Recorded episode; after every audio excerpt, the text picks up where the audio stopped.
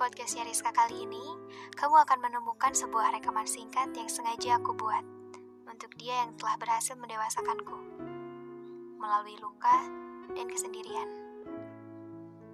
Sejauh ini, aku mengira bahwa dia adalah rumah, tapi ternyata bukan.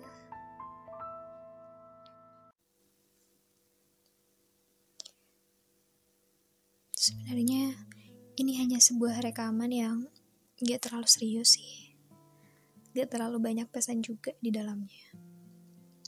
Dan mungkin untuk sebagian orang, mungkin ini isinya juga gak terlalu penting. Tapi entah kenapa, aku senang sekali membuat rekaman ini. Sebuah pesan suara yang sengaja aku buat sendiri, karena aku gak berani kalau misalnya harus mengirimkan secara langsung dia.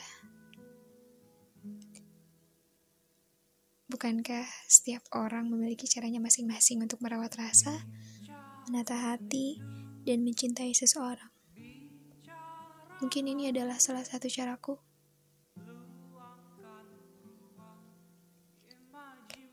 Sudah terlalu lama aku merawat perasaan ini, menyiraminya setiap hari, dan membiarkannya tetap tumbuh sampai akarnya menguat dan bercabang.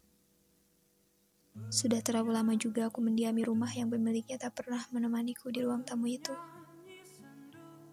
Untuk sebagian orang, pergi mungkin bisa dijadikan sebuah pilihan.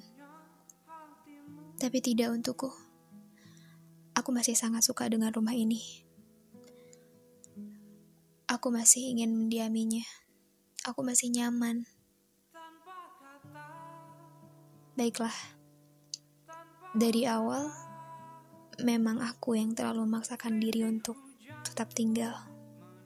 Aku juga yang terlalu menenggelamkan diri ini sampai lupa pada permukaan. Langkahku yang belum mengenal lelah saat itu, tanpa aku sadari ternyata aku sudah berjalan sejauh ini. Sendirian.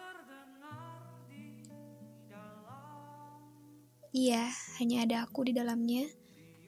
Sampai sekarang mengharapkan hati yang sebenarnya mungkin memang tidak pernah ingin diharapkan.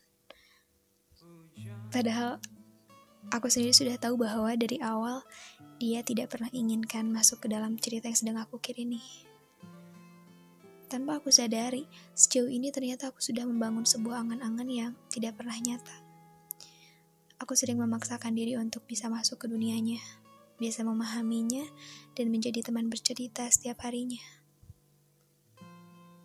Oh iya, aku juga sudah menciptakan beberapa kepura-puraan berusaha tetap baik-baik saja ketika perlahan kabarnya mulai menghilang. Berusaha untuk menyembunyikan rindu yang setiap harinya mulai menebal.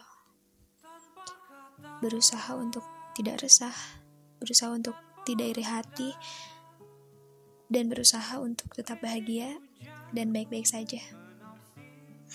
Ternyata dia bisa menguatkanku ya.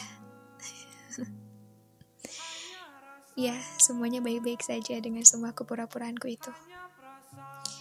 Lalu aku juga sudah berusaha untuk menyesuaikan diri agar bisa satu frekuensi dengannya. Tapi susah. Susah kalau harus terus memaksakan. Apalagi sendirian.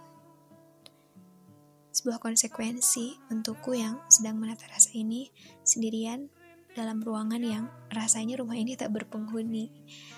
Ternyata benar, semuanya terasa berat dan melelahkan. Karena tidak ada dia di dalamnya. Sebenarnya dari awal sampai sekarang juga tidak beda jauh. Aku tetap mengharapkan hati yang sebenarnya mungkin memang tidak pernah ingin diharapkan.